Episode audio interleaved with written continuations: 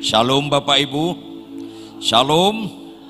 Berdasarkan sejarah gereja. Berdasarkan apa? Sejarah gereja, hari-hari seperti ini, hari-hari masa penantian. Hari apa? Masa penantian. Setelah kita memperingati Jumat Agung, kita memperingati Paskah, kemudian kita memperingati naik ke dan sebentar lagi kita memperingati Roh Kudus dicurahkan. Memperingati artinya sudah terjadi. Jangan lupa bahasa asli dalam baca Alkitab adalah Roh Kudus dicurahkan sekali untuk seterusnya. Saya ulangi, sekali untuk seterusnya. Jadi jangan kita nunggu Roh Kudus lagi, tapi Roh Kudus menunggu kita. Ulangi, Roh Kudus ngapain? Menunggu kita bukan hanya dia berdiam dalam diri kita, tetapi dia menunggu kita untuk kita mau takluk dikendalikan oleh dia. Kegagalan orang Kristen gak mau dikendalikan oleh Roh Kudus. Roh Kudus terdiri dari dua kata. Ulangi berapa kata? Sederhana. Roh yang menuntun kita hidup kudus. Jangan terjemahkan roh kudus dengan sakit sembuh. Jangan terjemahkan roh kudus sekedar ekonomi makin dipulih. Tidak, Anda sedang menghina roh kudus kalau itu fokusnya. Fokusnya kita harus dikendalikan jadi hidup kudus. Apa itu kudus? Khusus. Ulangi apa itu kudus? Khusus Bapak, ibu, suami, istri, saya tanya Anda, Anda punya sikat gigi, Anda pakai ganti-gantian atau khusus untuk Anda? Kalau join-join kan itu lucu-lucu sedih kan? Khusus artinya 1 Petrus 2 ayat 9 kita kepunyaan Allah sendiri, sendiri khusus untuk dia. Jangan lagi untuk kita, Kenapa mobil kita dipepet, kita pepet nggak kita nggak pepet balik? Karena kita khusus untuk dia. Kenapa istri kita ngomong atau pasangan anda ngomong, aku nyesel kawin sama kamu, tapi kita bilang, aku nggak nyesel kawin sama kamu. Papa jelek, mama cantik, karena kita dikhususkan untuk Tuhan. Katakan amin. Yes. Kenapa capek nggak capek, ngantuk nggak ngantuk, sehat kurang sehat, Sibuk nggak sibuk? Konflik tidak konflik dalam rumah tangga. Kita tetap bangun pagi baca Alkitab karena kita dikhususkan untuk Tuhan. Kalau Anda bisa khotbah, banyak mujizat, tapi Anda maki-maki pasangan Anda, Anda sama sekali nggak ngerti Roh Kudus. Jangan pura-pura nyambung. Anda sama sekali nggak ngerti Roh Kudus. Kalau Anda banyak mujizat, banyak pelayanan, banyak KKR, banyak jemaat, tetapi Anda nggak taat pelaku firman, Anda sama sekali nggak ngerti Roh Kudus.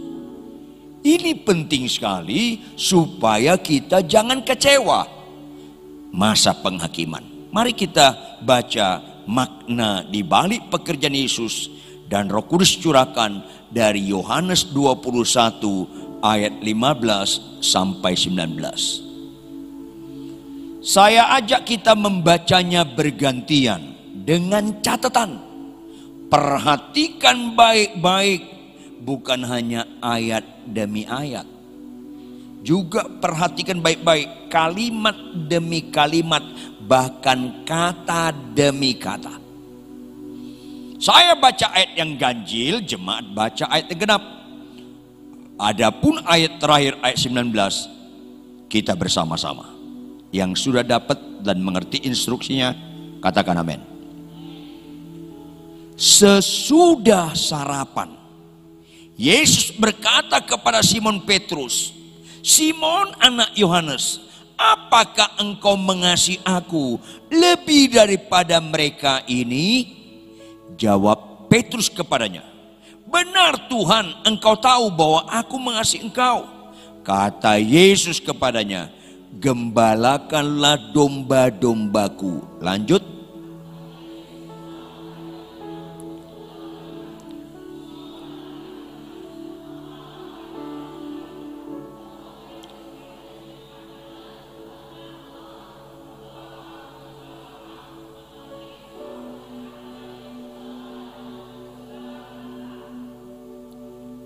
Kata Yesus kepadanya untuk ketiga kalinya. Simon anak Yohanes, apakah engkau mengasihi aku? Maka sedih hati Petrus karena Yesus berkata untuk ketiga kalinya, apakah engkau mengasihi aku? Dan ia berkata kepadanya, Tuhan, engkau tahu segala sesuatu. Engkau tahu bahwa aku mengasihi engkau. Kata Yesus kepadanya, gembalakanlah domba-dombaku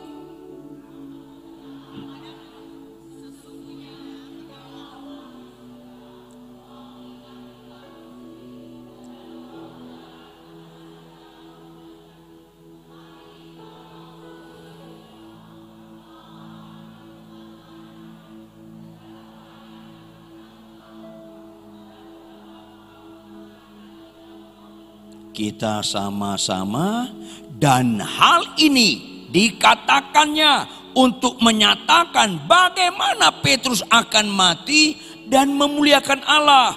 Sesudah mengatakan demikian, ia berkata kepada Petrus, ia berkata kepada Petrus, ia berkata kepada Petrus, apa arti ikut laku?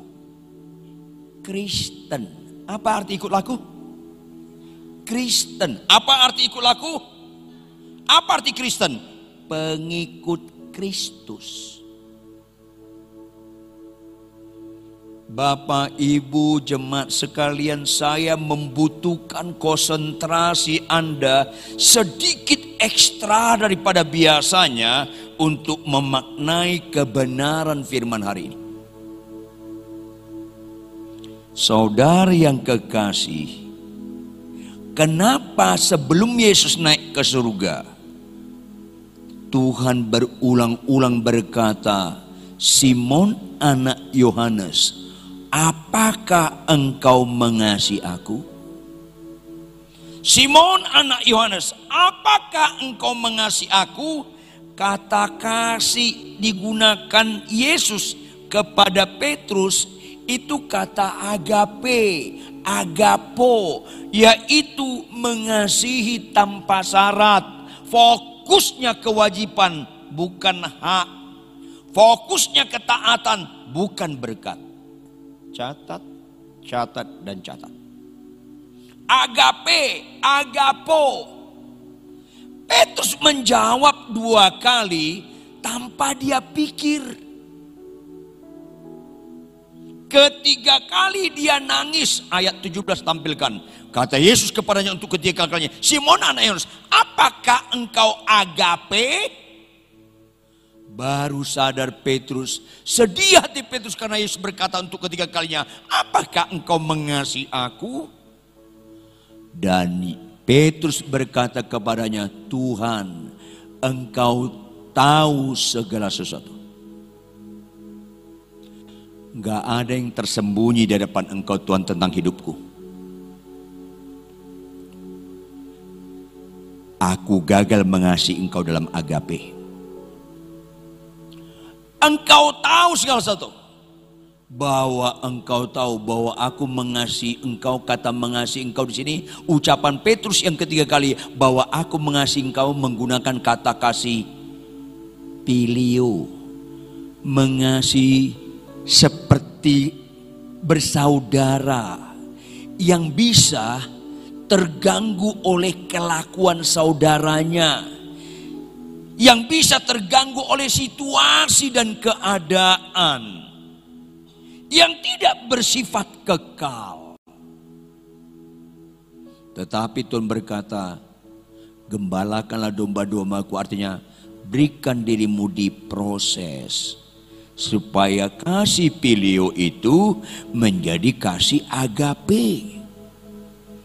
Maka inilah akhirnya Petrus Akhirnya dia benar-benar mengasihi agape disebut pada ayat 18 19.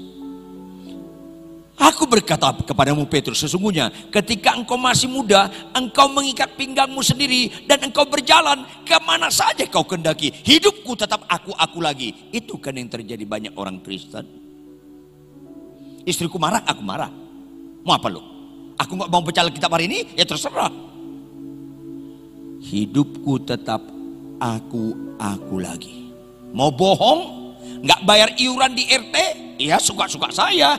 Hidupku tetap aku, aku lagi. Bahkan sekarang ada orang Kristen cerai, ya saya nggak cocok sama dia, nggak bisa, harus nggak mau saya, saya tetap mau cerai. Hidupku tetap aku, aku lagi. Ini kan Kristen rusak.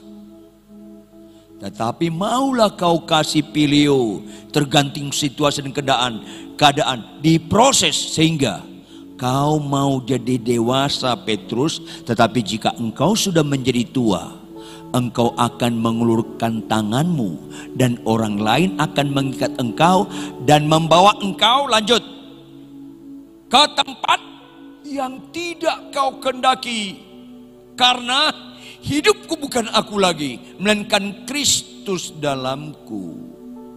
Akibatnya ayat 19 dinyatakan digenapi. Hal ini dikatakan Tuhan Yesus untuk menyatakan bagaimana Petrus akan mati dan dia hidupnya bukan dia lagi tapi Kristus. Yaitu dia mati dalam konteks setia memuliakan Allah. Tepuk tangan yang keras. Maka itulah arti Kristen. Ciri utama Kristen bukan bisa khotbah Bapak Ibu. Makanya gak semua orang Kristen bisa khotbah. Makanya bisa khotbah bukan ukuran rohani. Ciri utama Kristen bukan sakit sembuh. Makanya sakit sembuh hanya boleh sampai limit tertentu. Lama-lama sakit sembuh ini kebodohan. Karena kesembuhan bukan ciri utama Kristen. Kok nggak rela wajah Anda ini? Saya ulangi, jawab Bapak Ibu, jawab Bapak Ibu. Saya ulangi, jawab Bapak Ibu. Bapak Ibu niat nggak hidup selama-lamanya di bumi?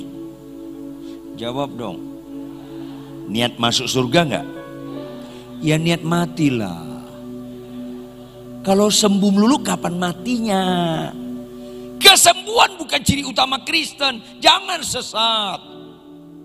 Ini penting. Makanya saya ulangi, saya ulangi. Kalau kita naik pesawat ke Singapura, ke mana?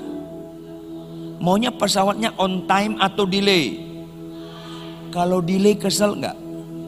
Kalau delay dua kali, kalau delay tiga kali, ngamuk Anda.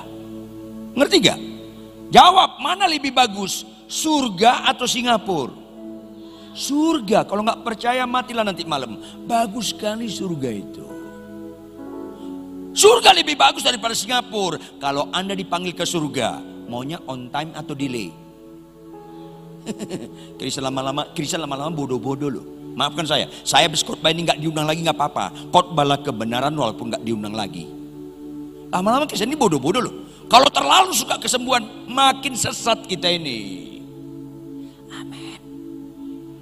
Nggak rela nih. Halo, kesembuhan bukan ciri utama Kristen. Penyembahan dengan cara bukan ciri utama Kristen. Bahasa roh bukan ciri utama Kristen pelaku firman itu ciri utama Kristen. Ini penting sekali. Sedih saya lihat ada pengkhotbah, jemaatnya puluhan ribu, tapi dia tidak pelaku firman. Sedih saya banyak orang mendoakan asal sakit sembuh, sembuh. Setiap dia berdoa sembuh, tapi nggak pelaku firman. Udah jauh-jauh Tuhan peringati Kristen model begini, ini kekejian tampilkan operator Matius 7 ayat 21 sampai 23. Catat dong, jauh-jauh hari Tuhan ingatkan. Eh jemaat, eh Petrus dan kawan-kawan, hei orang Kristen di Cirebon, bukan setiap orang yang berseru kepadaku, Tuhan, Tuhan akan masuk dalam kalian surga. Bukan. Apakah berseru dalam khotbah, mujizat, penyembahan? Bukan. Melainkan apa? Pelaku firman Khotbah belum tentu pelaku firman. Makanya Bapak Ibu, jangan lihat rohani pengkhotbah saat dia khotbah. Gampang sekali rohani saat khotbah. Kalau Anda mau lihat rohani saya, tinggal di rumah saya enam bulan atau satu tahun. Lihat sehari-hari, termasuk ketika istri saya kurang hemat berkata-kata. Rohani gak pelaku firman gak? Ini supaya jangan ada dusta di antara kita. Melainkan mereka yang melakukan kehendak Bapakku di surga. Pelaku. Kenapa? Banyak orang sekarang khotbah, mujizat, penyembahan dianggap itu rohani. Akibatnya apa? Ayat 22. Karena pada hari terakhir Petrus dan kawan-kawan, pada hari terakhir jemaat di Cirebon, banyak orang akan berseru kepadaku, Tuhan, Tuhan, bukankah kami bernubuat demi namamu, mengusir setan demi namamu, dan mengadakan banyak mujizat demi namamu juga?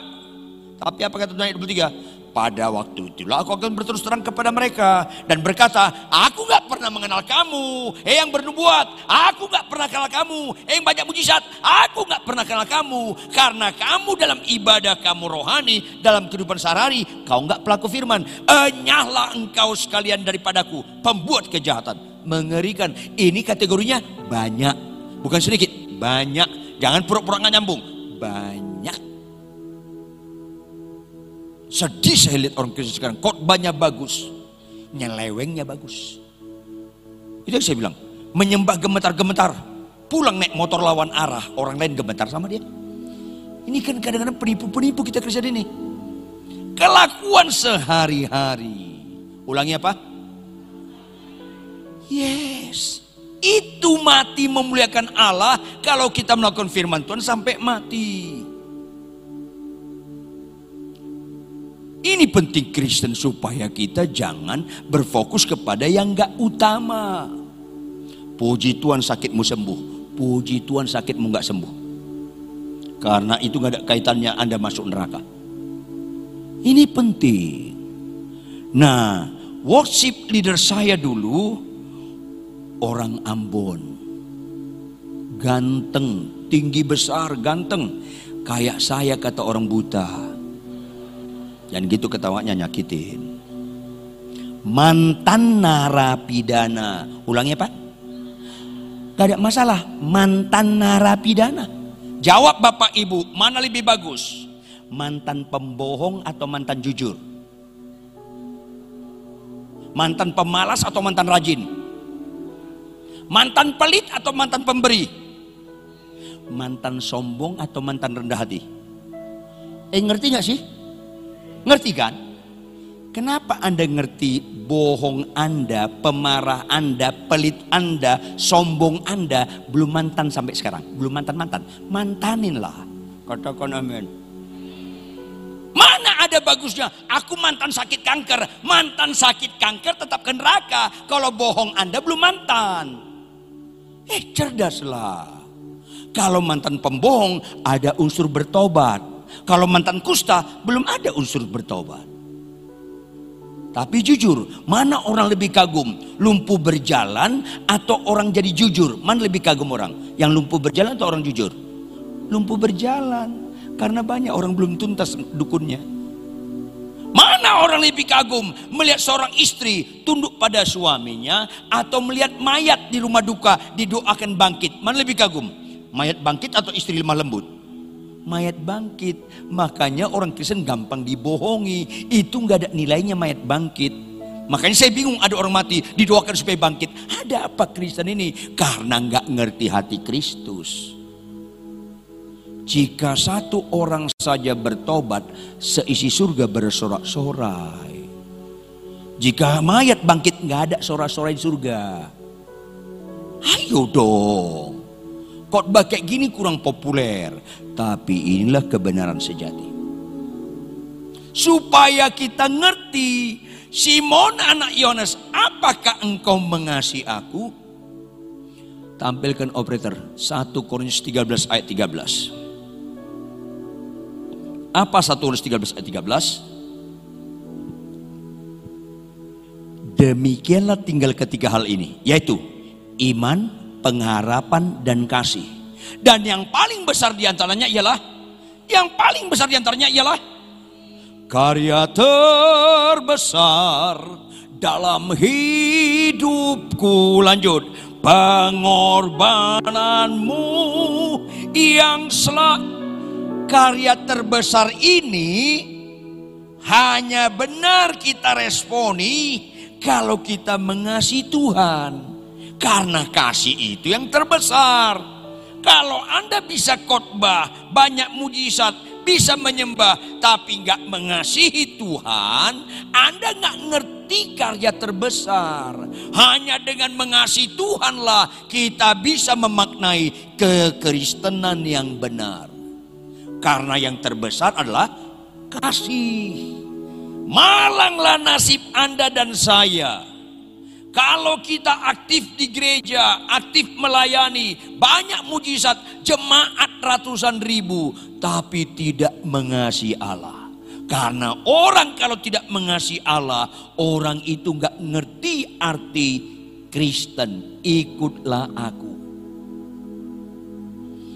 Yang terbesar Allah kasih. Lihat ayat 8, ayat 8, ayat 8. 1 Korintus 13 ayat 8. Sama-sama baca Bapak Ibu. Satu, dua, ya. Kasih tidak berkesudahan. Nubuat. Bahasa roh. Pengetahuan. Jadi mana yang kekal? Kasih. Jagal kus. Jangan gagal fokus. Saya sedih, saya sekolah teologi tinggi-tinggi. Tapi saya nggak pernah tertarik menulis gelar saya di nama saya. Karena itu nggak penting. Banyak teman saya doktor-doktor teologi. Saya kasih tahu doktor teologi dibutuhkan gereja. Tapi pengetahuan yang bagus tentang teologi tidak bersifat kekal karena pengetahuan akan lenyap. Kalau Anda bisa mengajar teologi tapi tidak pelaku firman, nggak mengasihi Tuhan, selesai. Jawab, bahasa roh kekal nggak? Lah itu berhenti. Saya sedih ada pendeta berkata, oh di surga kita nanti bahasa roh. Kagak. Kalau nggak percaya matilah nanti malam ke surga lah. Enggak. Bahasa roh akan berhenti. Makanya bahasa roh bukan ciri utama orang Kristen. Jangan ada di antara kita anti bahasa roh. Karena Alkitab mencatat ada bahasa roh. Jangan anti bahasa roh. Sekaligus jangan utamakan bahasa roh. Karena itu bukan representatif rohani. Termasuk nubuat. Yang kekal itu kasih. Makanya kesimpulan dari karya Kristus, Simon anak Yohanes, apakah engkau mengasihi aku? Tampilkan Yohanes 14 ayat 15 operator. Yohanes 14 ayat 15. Apakah engkau mengasihi aku? Sama-sama kita baca Bapak Ibu. Satu, dua, ya. Jikalau kamu mengasihi aku, dengar baik-baik anda dan saya tidak pernah benar memaknai rohani yang bagus, memaknai hamba Tuhan yang diurapi kalau nggak mengasihi Tuhan. Anda sama sekali nggak ngerti rohani. Anda sama sekali nggak mengerti apa arti hamba diura, hamba Tuhan yang diurapi kalau tidak mengasihi Tuhan. Makanya hukum yang terutama dan yang pertama adalah kasihlah Allahmu dengan segenap, dengan segenap, dengan segenap. Itulah hukum yang terutama dan yang pertama. Rohani yang benar adalah mengasihi Tuhan. Hamba Tuhan yang diurapi adalah mengasihi Tuhan. Caranya cuma satu Bapak Ibu anak-anak sekalian. Cuman satu caranya. Apa caranya? kamu akan menuruti segala perintahku. Yaitu apa? Pelaku firman. Yaitu apa? Fokus kita perintah Tuhan bukan janji Tuhan. Alkitab kita dibagi banyak bagian. Tapi secara etika praktis sehari-hari Alkitab kita dibagi dua bagian. Apa itu? Perintah dan janji. Fokus orang mengasihi Tuhan, perintah Tuhan. Orang taat tidak mengejar janji Tuhan. Orang taat, orang mengasihi Tuhan, dikejar janji Tuhan. Orang taat tidak mengejar berkat, berkat yang mengejar orang taat.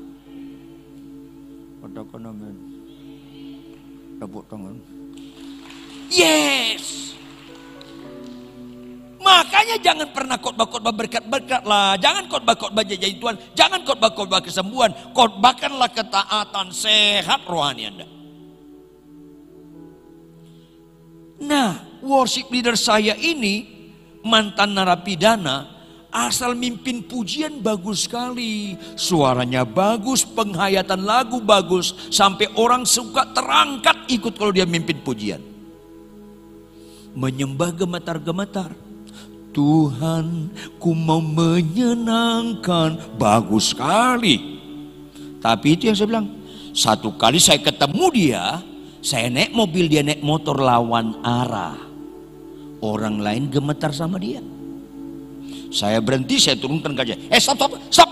Balik balik. Kamu mendukakan roh kudus. Balik. Apa dia bilang? Eh salam pak pendeta. Nggak usah salam salam Balik. Kamu melawan roh kudus ini. Roh kudus tertib. Tersinggung dia.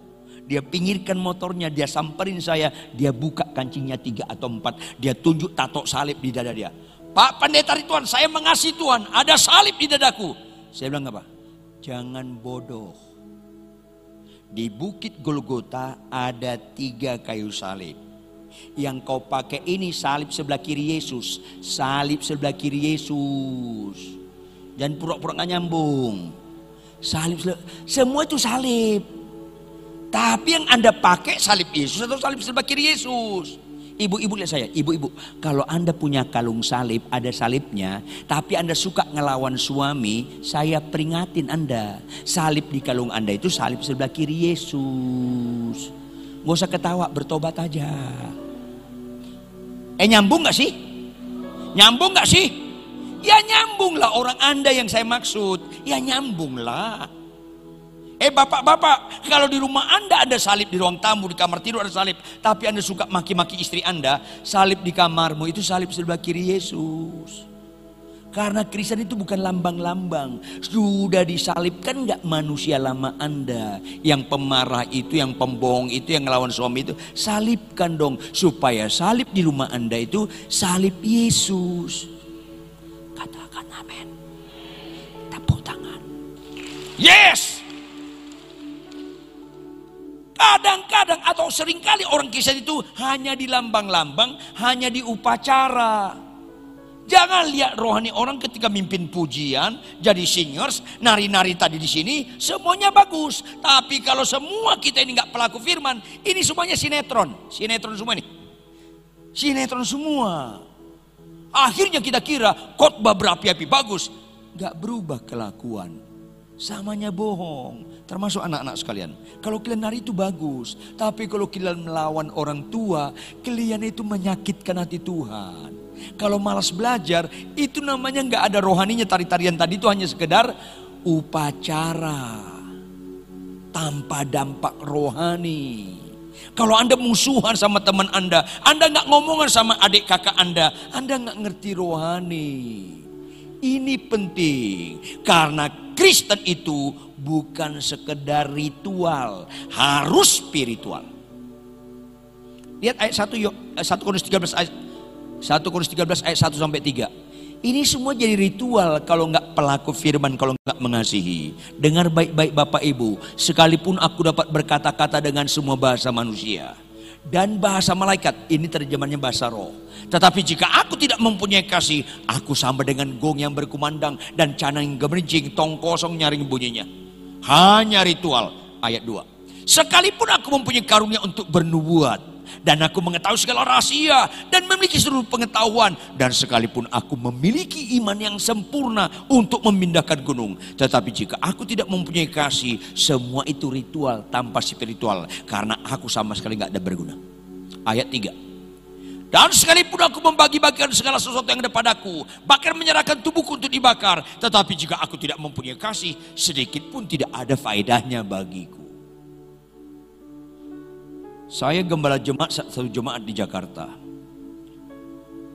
Tidak sedikit pengusaha, orang-orang kaya memberikan persembahan untuk bangun gereja dan sebagainya. Tapi saya ingatkan mereka, kalau kalian mendukung pembangunan gereja, mendukung pelayan, puji Tuhan. Tetapi kalau kau cerai, kau berzina, kau sama sekali nggak ada faedahnya persembahanmu ini. Sama sekali nggak ada faedahnya. Makanya sama orang kaya, saya keras sekali khotbahnya. Ada orang kaya sini? Ada orang kaya? Eh jujur, banyak nggak orang kaya sombong? Banyak. Dan Tuhan berkata apa? Orang kaya sulit masuk dalam kerajaan surga. Karena kita kira kekayaan itu identik dengan berkenan di mata Tuhan. Belum tentu. Kalau Anda tidak mengasihi, sedikit pun gak ada faedahnya bagi Tuhan. Ini penting. Makanya sama orang kaya saya keras sekali khotbahnya. Jujur, ada nggak orang miskin sombong? Ada juga loh. Ada loh. Ada orang miskin nggak sini? Ada orang miskin nggak? Ada juga orang miskin sombong. Sama orang kaya saya keras khotbahnya. Sama orang miskin lebih keras lagi khotbah saya. Supaya jangan sempurna penderitaan Anda. Dari aspek ukuran agak mending, agak mending loh orang kaya masuk neraka daripada orang miskin masuk neraka. Bener loh. Orang kaya masuk neraka agak enak sedikit di bumi. Kalau orang miskin masuk neraka, di bumi susah, terus masuk neraka lagi. Kok sempurna banget penderitaan Anda? Kok penderitaan berseri?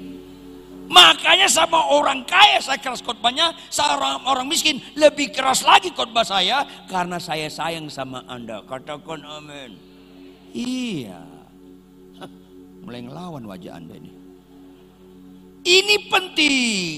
Makanya Simon anak Yohanes, apakah engkau mengasihi aku supaya memaknai Jumat Agung? Kristus mati karena dosa-dosa kita. Apa arti dosa? Tidak taat. Ulangi apa arti dosa? Tidak taat. Kenapa? Jikalau engkau mengasihi aku, engkau menuruti segala perintahku.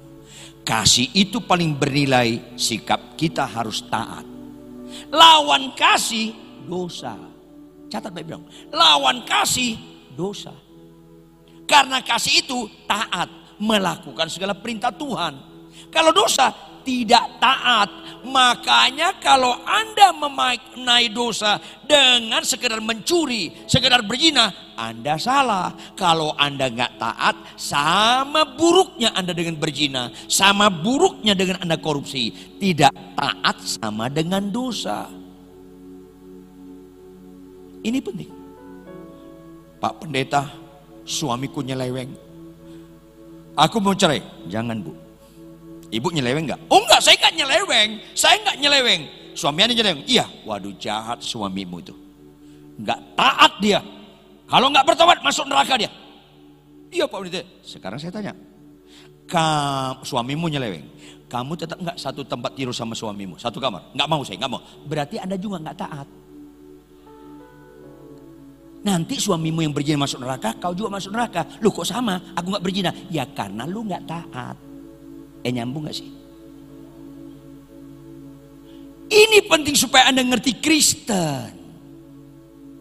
Aku nggak berzina, tapi aku nggak mau lagi sama suamiku. Itu namanya nggak taat juga, sama-sama masuk neraka juga.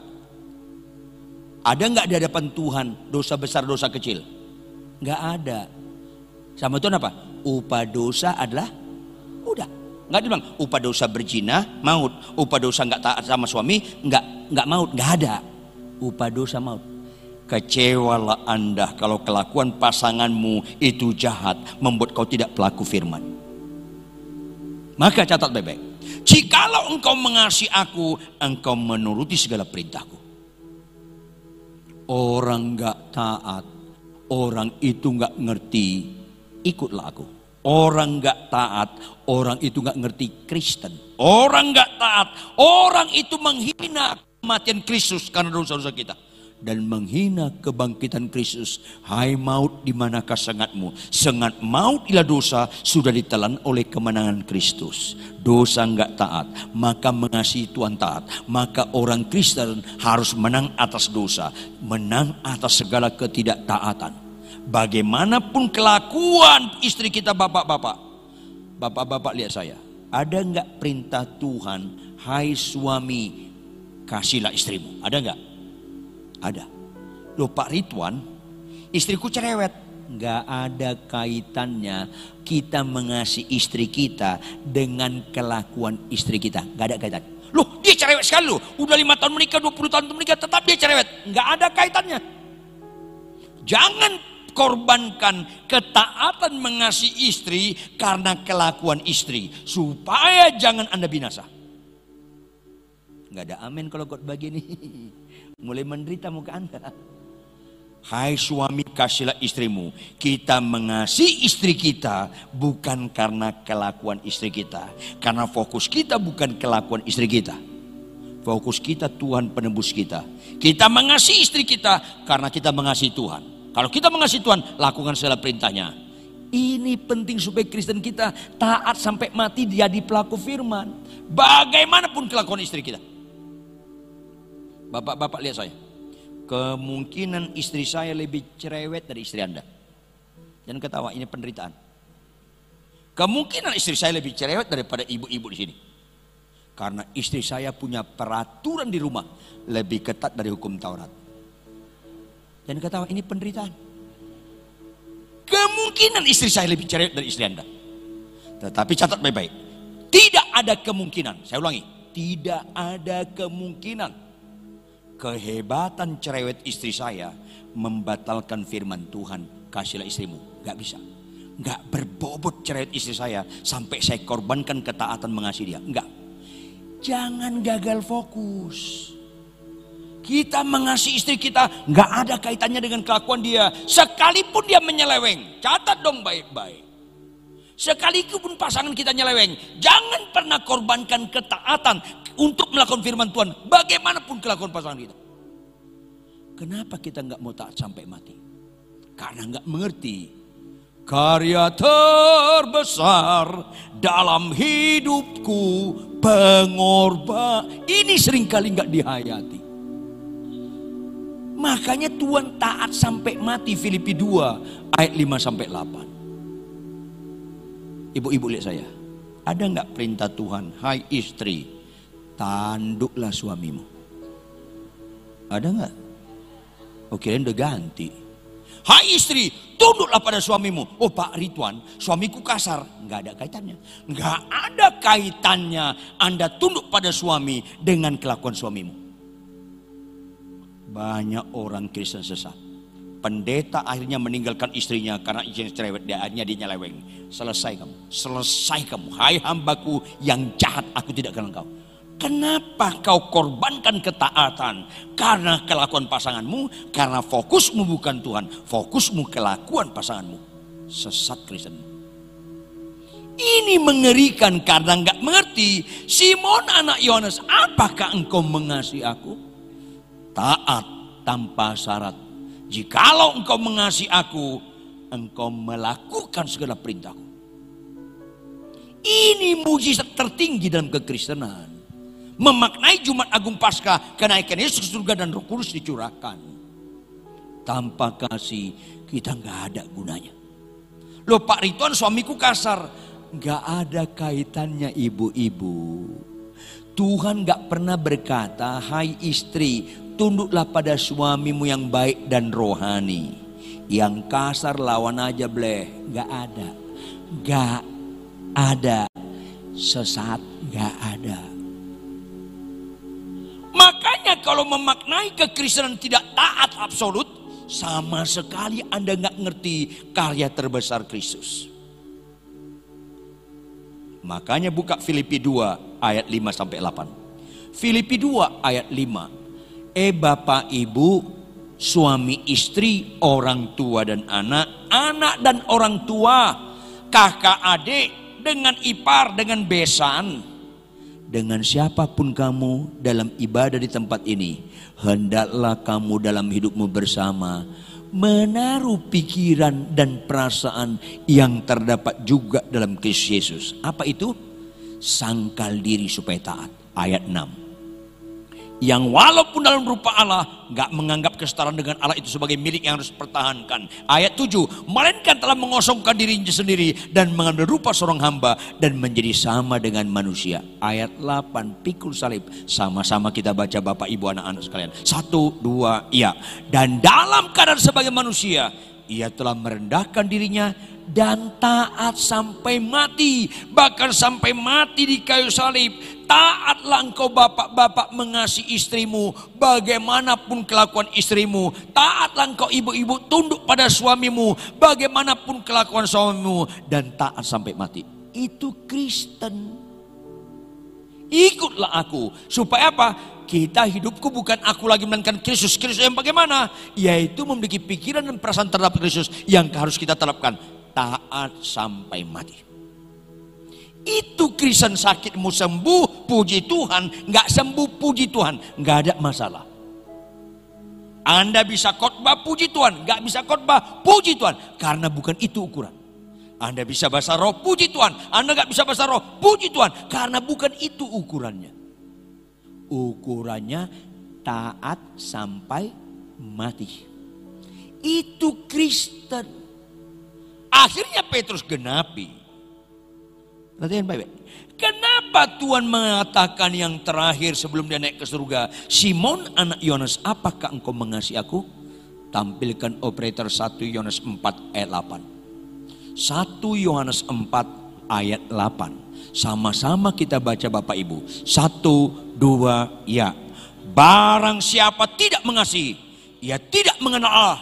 Sebab Allah adalah kasih absolut. Kalau Anda baca bahasa Yunaninya, ini mutlak. Kalau orang khotbah jemaatnya penuh ribu tetapi tidak mengasihi, ia tidak mengenal Allah. Pengkhotbah-pengkhotbah banyak mujizat tapi dia mengkhianati perkawinan, dia sombong, dia main-main dalam dosa, orang itu nggak kenal Allah. Doktor teologi, ahli dalam mengajar teologi, tapi cerai, orang itu tidak mengenal Allah. Mengenal Allah itu kasih apa itu kasih? Melakukan perintah Tuhan. Karena apa? Catat dong baik-baik. Allah adalah kasih. Ulangi. Allah adalah kasih. Catat, catat. Tolong, tolong perhatikan. Allah adalah kasih menciptakan manusia segambar dan serupa dengan Allah. Image of God. Imago Dei. Maka karena manusia itu diciptakan segambar dan serupa dengan Allah, maka manusia itu makhluk kasih. Karena Allah adalah kasih, maka kita harus simpulkan makhluk kasih. Adam dan Hawa karena makhluk kasih, Tuhan fasilitasi supaya mereka bisa mengaktifkan aktualisasi diri sebagai makhluk kasih. Apa itu? Jikalau engkau mengasihi aku, engkau menuruti segala perintahku, maka Tuhan fasilitasi Adam dan Hawa. Semua buah pohon di taman ini boleh kau makan buahnya, boleh kau makan. Tapi yang satu itu jangan kau makan buahnya. Kalau kau makan kau akan mati. Apa maknanya? Banyak orang gagal fokus Fokusnya bukan buahnya. Sampai-sampai ada orang menyebut nama buahnya buah kuldi, buah simalakama, itu buah kurang kerjaan. Fokusnya bukan buahnya, apakah itu rambutan, apakah itu mangga gedong, apakah itu durian, nggak ada masalah. Karena fokusnya bukan buahnya, fokusnya apa? Perintahnya. Ulangi. Jangan kau makan buah itu. Itu kalimat perintah. Bukan buahnya fokusnya. Ketaatan fokusnya. Maka kata berikutnya. Kalau kau makan kau akan mati. Bukan pada buahnya yang membuat mati. Artinya kalau kau nggak taat kau mati. Bukan buahnya, bukan pohonnya. Tapi perintahnya, jikalau engkau mengasihi aku, engkau menuju segala perintahku. Aku makhluk kasih, kuciptakan kau makhluk kasih, maka kau harus taat. Jangan kau makan buah itu. Artinya Bapak Ibu, maknai kekristenan seperti Yesus hidup di dunia, taat sampai mati. Maknai kekristenan mengasihi Tuhan dengan mengasihi dia, taat melakukan perintahnya sampai mati itu paling bernilai dalam kekristenan. Kenapa? Catat baik-baik, catat baik-baik, catat baik-baik. Ketaatan adalah satu-satunya statement hidup yang berbobot kita mengakui aku ciptaanmu Tuhan, kau penciptaku. Hanya ketaatan, bukan nyanyian, ketaatan.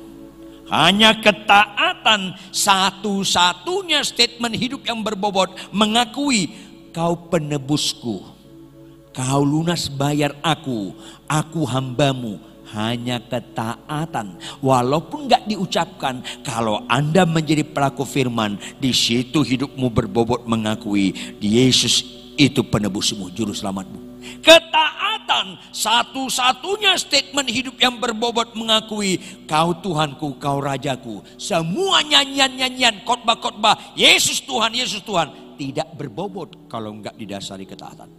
Ini penting supaya Anda mengerti Simon anak Yohanes, apakah engkau mengasihi aku? Supaya Anda mengerti memaknai Jumat Agung Paskah. Kenaikan kedua kali, roh kudus curahkan. Ketaatan sampai mati. Ini penting. Ketaatan satu-satunya statement hidup yang berbobot. Kita sedang menyembah Tuhan. Semua penyembahan-penyembahan di gereja, di persekutuan, semua khotbah-khotbah, bahasa roh, nubuat, mujizat tanpa ketaatan. Akhirnya semuanya itu berbobot ritual tanpa spiritual. Catat baik, catat, catat, catat baik. Semuanya itu ritual tanpa spiritual. Sehingga ada orang bernubuat, ada orang melakukan mujizat dan bilang, aku nggak kenal kau. Enyah kau maupun kejahatan. Karena kau hanya ritual tanpa spiritual. Karena ketaatan yang membuat khotbah itu spiritual. Ketaatan yang membuat pemenyembahan itu spiritual. Ketaatan yang membuat mujizat-mujizat itu spiritual. Ketaatan yang membuat semua apa yang kita kerjakan itu spiritual. Ketaatan. Ini penting Simon anak Yohanes. Apakah engkau mengasihi aku? Catat baik-baik. Ketika Adam dan Hawa tidak taat. Hawa cuma sederhana loh. Diambil satu buah. Satu loh. Dia makan, dia bagi suaminya. Langsung diusir. Keluar. Karena ketidaktaatan itu dosa. Yang mampu membuat kita putus hubungan dengan Allah. Ayo bapak ibu anak-anak muda Lihatlah yang serius. Menurut Tuhan serius. Kanker nggak serius. Maafkan saya, Anda sampai mati nggak punya anak, nggak serius, nggak usah lagi doa puasa supaya sembuh, nggak usah lagi doa puasa supaya punya anak, doa puasa supaya kita korbankan ketidaktaatan, hidupkan ketaatan, tepuk tangan yang keras. Yes, ini Kristen yang benar. Doa puasalah bagaimanapun kelakuan pasangan kita, kita tidak pernah mengkhianati perkawinan kita. Itu Kristen. Sakitmu sembuh puji Tuhan, nggak sembuh puji Tuhan. Kau taat puji Tuhan, kau nggak taat binasalah Anda. Kalau kau makan buah itu kau akan mati. Artinya ketidaktaatan itu serius. Anak-anak muda, anak remaja, kalau kau melawan orang tua itu serius nak. Apa pun alasanmu, jangan lawan orang tua. Apa pun alasanmu. Gak taat serius. Anak-anak muda, kau pacaran seenaknya, itu serius. Tidak taat serius. Bapak, ibu, anak-anak, anda kalau nggak baca Alkitab tiap hari itu serius. Anda kalau buka situs porno itu serius. Anda kalau homoseks, lesbian, berzina itu serius. Karena ada unsur ketidaktaatan di balik itu. Kalau kau kanker nggak serius. Kalau malam ini kau mati nggak serius. Kalau kau taat. Kau malam ini mati kalau nggak taat serius. Karena kau binasa. Ini penting dikotbahkan terus menerus sampai kedatangan saudara kedua kali. Makanya perhatikan Markus 1 ayat 42 sampai 45. Dengar baik-baik. Dengar baik-baik. Markus 1 ayat 42 sampai 45. Perhatikan, jangan-jangan gagal bos. Seketika itu juga lenyaplah penyakit kusta orang itu dan ia menjadi tahir. Kata apa yang menerangkan keterangan waktu di sini Bapak Ibu? Kata apa? Seketika. Jawab Bapak Ibu. Membuat lumpuh berjalan. Tuhan perlu tahunan atau seketika? Membuat laut terbelah. Allah perlu tahunan atau seketika? Membuat Lazarus bangkit. Allah perlu tahunan atau seketika? Apa yang sedang Tuhan sampaikan? Di balik keterangan waktu ini, janganlah sesat, siumanlah. Artinya seketika artinya apa? Eh umatku, ini mujizat terendah. Ini mujizat terendah karena nggak perlu panjang-panjang seketika. Dengar baik-baik. Ibu-ibu lihat saya. Ibu-ibu lihat saya. Membuat seorang istri tunduk pada suami. Itu seketika atau pelajaran seumur hidup. Itu mujizat terindah. Kalau Anda nggak mau tunduk juga sama suami, memang Anda degil. Tolong tersinggunglah. Itu mujizat mulia karena nggak bisa seketika. Bapak-bapak membuat kita sabar. Istri kita marah-marah kita nggak buka mulut. Dia marah-marah kita ngomong sama Tuhan dalam hati. Tuhan cocok banget aku sama nih orang Tuhan. Tolong lestarikan dia. Itu nggak bisa seketika. Itu pelajaran seumur hidup. Siumanlah Anda. Orang lebih suka lumpuh berjalan, mayat bangkit daripada pelaku firman dalam kehidupan sehari-hari termasuk tunduk pada suami, mengasihi istri karena sesat. Catat dong baik-baik. Kok suka sekali yang seketika-seketika? Bali itu mujizat terendah. Sangkin rendahnya, sakit sembuh nggak menyelamatkan. Sangkin rendahnya, laut terbelah nggak menyelamatkan. Jawab setelah terbelah, mereka jalan ke tanah perjanjian. Mana lebih banyak? Binasa di tengah jalan atau sampai ke tanah perjanjian? binasa karena nggak taat. Jangan kagumi laut terbelah, kagumlah ketaatan supaya Anda ngerti, Simon anak Yohanes, apakah engkau mengasihi aku? Ini yang harus dikotbahkan terus menerus sampai kedatangan Tuhan Yesus kedua kali. Makanya karena ini mujizat yang nggak utama ayat 43, ayat 43, ayat 43. Dengar baik-baik. Segera Yesus menyuruh orang itu pergi dengan apa? Peringatan keras. Kenapa? Karena serius. Gak mungkin Alkitab menulis peringatan keras kalau gak serius. Apa peringatan keras? Dilarang memberitakan mujizat-mujizat kesembuhan. Ini Alkitab. Ingatlah, janganlah engkau memberitakan apa-apa tentang hal ini kepada siapa pun. Tetapi pergilah, perlihatkan dirimu kepada imam dan persembahkanlah untuk pentahiranmu persembahan yang diperintahkan oleh Musa sebagai bukti bagi mereka yaitu apa? Beribadah. Sepuluh orang sakit kusta semuanya sembuh. Berapa yang menyenangkan hati Tuhan? Satu. Kenapa? Beribadah dia balik tersungkur di bawah kaki Yesus. Yang sembilan apa? Bersorak-sorai aku sembuh aku sembuh. Yesus menyembuhkan aku. Aku sembuh. Yesus Halo, enggak usah diberitakan itu. Ingatlah, ini peringatan keras. Ingatlah, janganlah engkau membicarakan apa-apa tentang hal ini kepada siapa pun. Ini Alkitab ayat 45. Seringkali orang pendeta hamba Tuhan nggak membacanya, susah. Tetapi apa? Orang itu pergi memberitakan peristiwa itu dan menyebarnyakan ke mana-mana. Sebagaimana banyak orang Kristen, sebanyak, sebagaimana banyak pendeta hamba Tuhan. Ini bahaya. Tolong baca dong. Tetapi orang itu pergi memberitakan peristiwa itu dan menyebarkannya ke mana-mana lanjut. Sehingga Yesus gak dapat lagi terang-terangan masuk ke dalam kota. Karena apa? Orang lebih suka sakit sembuh daripada dibongkar dosanya. Orang lebih suka mujizat daripada bertobat. Khotbah-khotbah berkat-berkat, khotbah-khotbah mujizat sering kali menghalangi khotbah beritakanlah Injil. Catat baik. Ini Alkitab. Yuk kita buka Lukas 24. Lukas 24. Supaya kita ngerti Simon anak Yohanes. Apakah engkau mengasihi aku? Lihat Lukas 24. ayat 45. Lalu ia membuka pikiran murid-muridnya sehingga mereka mengerti kitab suci. Apa itu? Ayat 46. Katanya kepada mereka, ada tertulis demikian. Mesias harus menderita dan bangkit dari antara orang mati pada hari ketiga. Apa itu mereka mengerti kitab suci? Ayat 46. Sama-sama. Ayat 47. Sama-sama kita baca. Satu, dua, iya. Dan lagi. Dalam namanya. Berita tentang pertobatan dan pengampunan dosa. Harus. Kata kuncinya. Harus. Kata kuncinya. Harus. Kata kuncinya. Harus. Harus disampaikan kepada segala bangsa mulia dari Yerusalem. Berita tentang kesembuhan nggak harus dikotbahkan berita tentang pengampunan dosa dan bertobat itu yang harus khotbahkan. Makanya kalau sakitmu sembuh kau nggak bertobat tetap masuk neraka.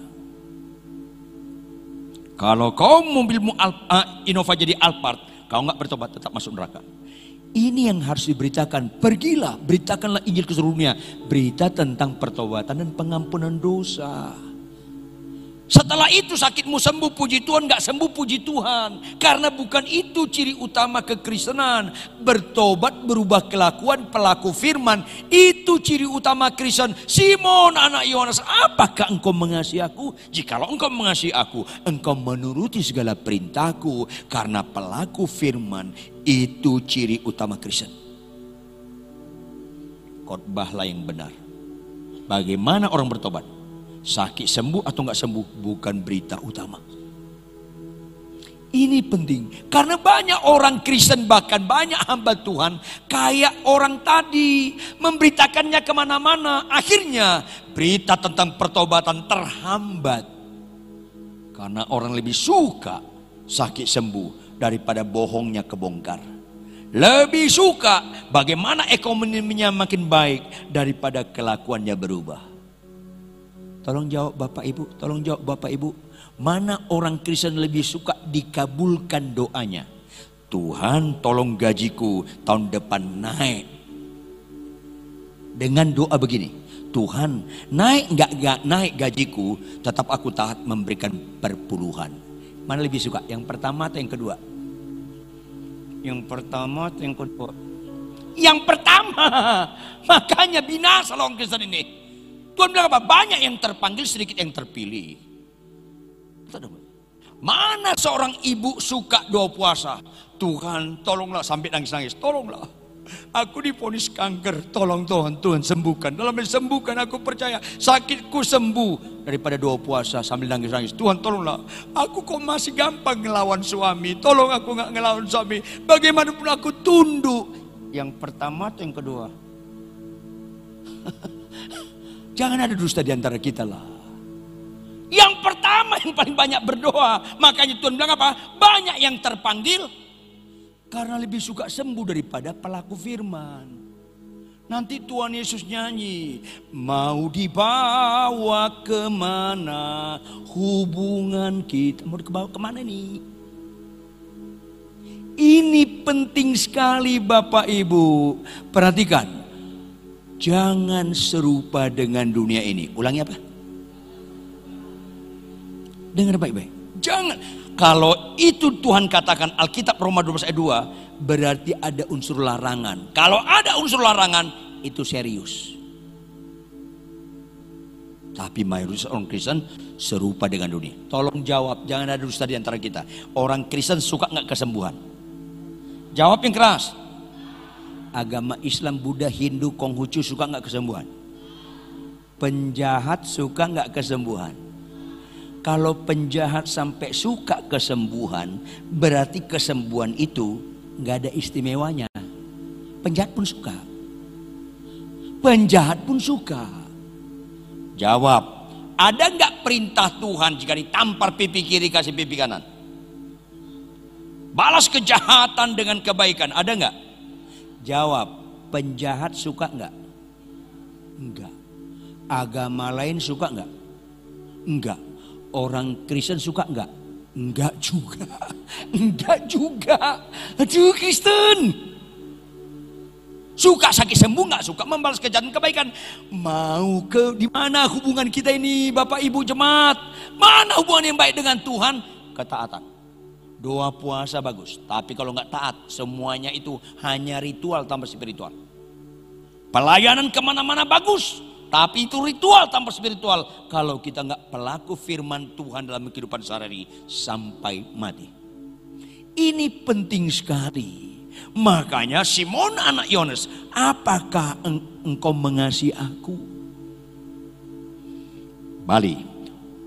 Yohanes 21 ayat 18. Sakit sembuh, laut merah terbelah, Lazarus bangkit, itu seketika.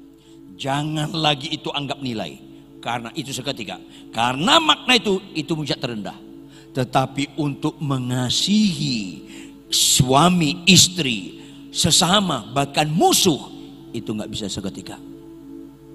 Itu proses sangkal diri pikul salib. Itu proses aku makin berkurang, Yesus makin bertambah. Kristus adalah gambar kesempurnaan kealahan. Kristus adalah makhluk kasih. Kita harus seperti Yesus, taat sampai mati. Maka kita proses. Aku berkata kepadamu, Sesungguhnya ketika engkau masih muda, engkau mengikat pinggangmu sendiri dan engkau berjalan ke mana saja yang kau kodai. Seenak dewi, hidupku tetap aku aku lagi. Saya sebelum menikah, saya sudah KKR ke mana-mana di Indonesia ini. Tahun ini saya 43 tahun jadi hamba Tuhan. Sebelum menikah, saya sudah khotbah ke mana-mana, KKR di mana-mana. Saya sudah dosen teologi. Begitu menikah, baru saya ngerti saya masih kanak-kanak. Makanya rohani itu kelihatan di perkawinan bukan di khotbah.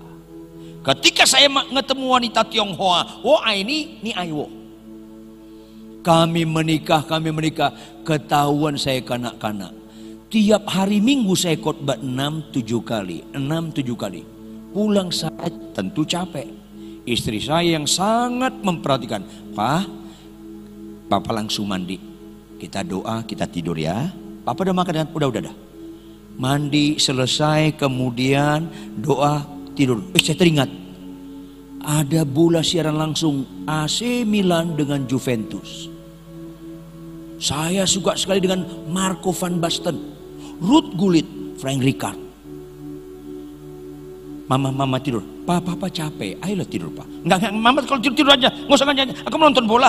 Seenak dewi. Padahal KKR. Kanak-kanak. Begitu saya nonton seru, ih seru. Istri saya mulai tidur. Saya nonton seru banget. Tiba-tiba ada suara dalam hati saya. Rituan, Rituan. Coba lihat ke belakangmu. Ih, apa Tuhan? Istri saya. Dengar baik-baik. Suami istri adalah satu Jangan lagi kau seenaknya hidup. Lihat yang televisi. Ruth Gudil, Marco van Basten, Frank Ricard. Ada nggak kau hubungan family? Aduh, aduh, aduh Tuhan, aduh, aduh, aduh Tuhan. Enggak Tuhan. Kenapa kau pelototi dia bukan istrimu yang kau tatap? Tuhan aku masih kanak-kanak Tuhan walaupun KKR Tuhan walaupun dosa aku masih kanak-kanak. Saya minta ampun. Saya ambil remote televisi saya bunuh mereka. Mati kalian semua. Mati mereka. Halo nggak bisa saya enaknya kanak-kanak biarpun kau berjenggot kau udah beruban kalau kau sedaknya kau masih kanak-kanak. Jangan nggak pura-pura nggak dengar. Siumanlah kanak-kanak. Eh anak-anak muda Jangan lagi main game 2 jam, 3 jam. Bukan seenaknya kamu hidup. Eh nyambung gak sih? Belajar satu jam bosan. Main game 4 jam sukacita. Disuruh berhenti marah. Karena nggak ngerti rohani yang benar. Dikotbahkan sakit sembuh, sakit sembuh. Bukan bicara ketaatan. Dikotbahkan mujizat-mujizat janji Tuhan. Bukan perintah Tuhan untuk ditaati. Makin jauh kita dari kebenaran. Makanya begitu saya menikah, kelihatan lu masih kanak-kanak Rituan. Walaupun dikagumi banyak orang, di rumah kau masih kanak-kanak. Di proses saya supaya mengasihi. Itu proses, nggak bisa seketika. Apa itu? Tetapi jika engkau sudah menjadi tua, dewasa rohani, engkau akan mengelurkan tanganmu dan apa? Dan apa? Orang lain akan mengikat engkau dan apa? Membawa engkau ke tempat apa? Yang tidak kau kehendaki. Baru rohaninya keren. Yang gak nyaman tetap taat. Makin gak cocok makin taat. Itu Kristen. Makanya Mazmur 23 sering kali orang khotbahkan bukan pada utama. Tuhan adalah gembalaku. Lanjut. Bukan itu bahasanya. Yang benar, Tuhan adalah gembalaku. Aku nggak perlu apa-apa lagi. Itu bahasa aslinya. Aku nggak perlu apa-apa lagi. Itu bahasa aslinya. Terjemahannya nggak pas. Akhirnya dikhotbahkan apa? Percayalah ikut Tuhan, pasti kita berlimpah. Yang nggak punya mobil punya mobil, yang nggak punya rumah dapat rumah. Salah, ngawur karena nggak ngerti firman Tuhan. Tuhanlah gembalaku, aku nggak perlu apa-apa lagi. Karena Yesus membuat aku terpesona, maka mobilku yang sederhana nggak membuat aku iri dengan orang lain. Karena Tuhan cukup bagiku. Siapa gerangan padaku di bumi selain engkau? Selain engkau tidak ada yang kuingin di bumi. Selain siapa yang gerangan yang ada pada padaku di surga? Selain engkau Yesus, nggak ada yang kuingin. Tuhan karena itu katanya lihat ayat 23.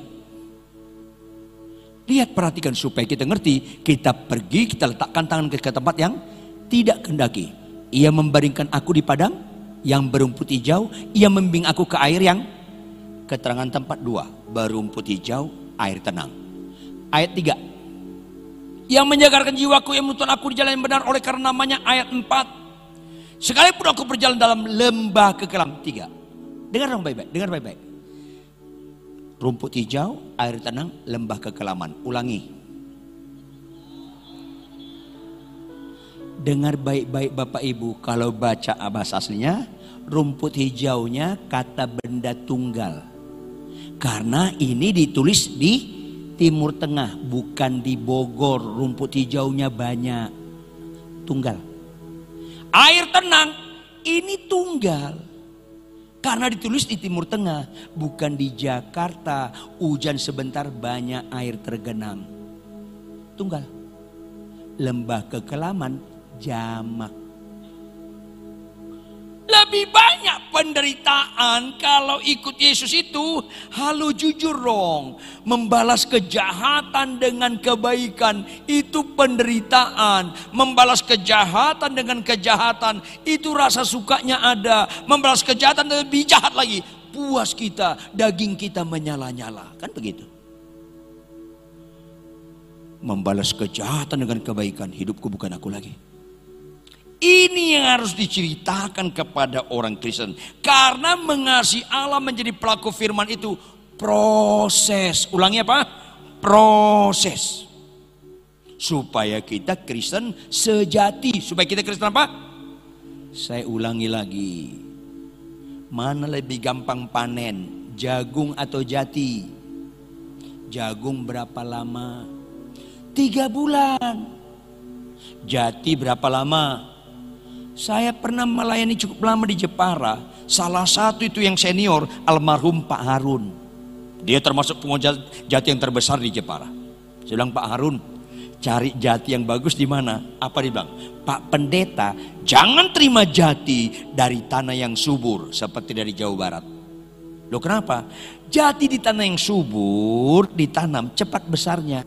Cepat besarnya kepadatan kayunya nggak solid kandungan airnya terlalu banyak. Nanti proses pengeringan akan bengkok. Makanya Bapak Ibu jangan terlalu subur. Kandungan airnya terlalu banyak. Nanti proses pengeringan bengkok loh. Ketawanya mengandung kepedihan nih. Jadi gimana? Cari jati di tanah kurang subur antara Jawa Tengah dan Jawa Timur. Oh ya, supaya lambat tumbuhnya. Kenapa? Supaya kepadatannya solid. Oh, terus begitu dia tumbuh Pak Pendeta, ada cabangnya, potong, potong supaya dia tetap lurus. Memotong cabangnya nggak bisa dipelajari di perguruan yang paling baik di bumi ini. Harus di lapangan karena bisa gagal. Wow, sulit sekali. Ya. Terus tunggu 30 tahun. Hah? 30 tahun? Iya. Kan Bapak bilang jati yang bagus. Oh, setelah 30 tahun baru panen. Belum Pak Pendeta. Oh belum. Jadi gimana? Setelah 30 tahun gali tanah melingkar batangnya berjarak lebih kurang satu meter dari batang luar. Kenapa? Ketiga kali ketemu akarnya potong, ketemu akarnya potong, ketemu akarnya potong, matikan dia. Wow. Hidupku bukan aku lagi matikan si aku. Oh setelah mati baru panen. Belum, belum, belum, belum. Biarkan di situ dia mati dua tiga tahun. Wow. Kalau Bapak punya konek di Eropa, satu batang bisa dihargai satu miliar lebih. Jawab dong Bapak Ibu, mana lebih mahal, jagung atau jati?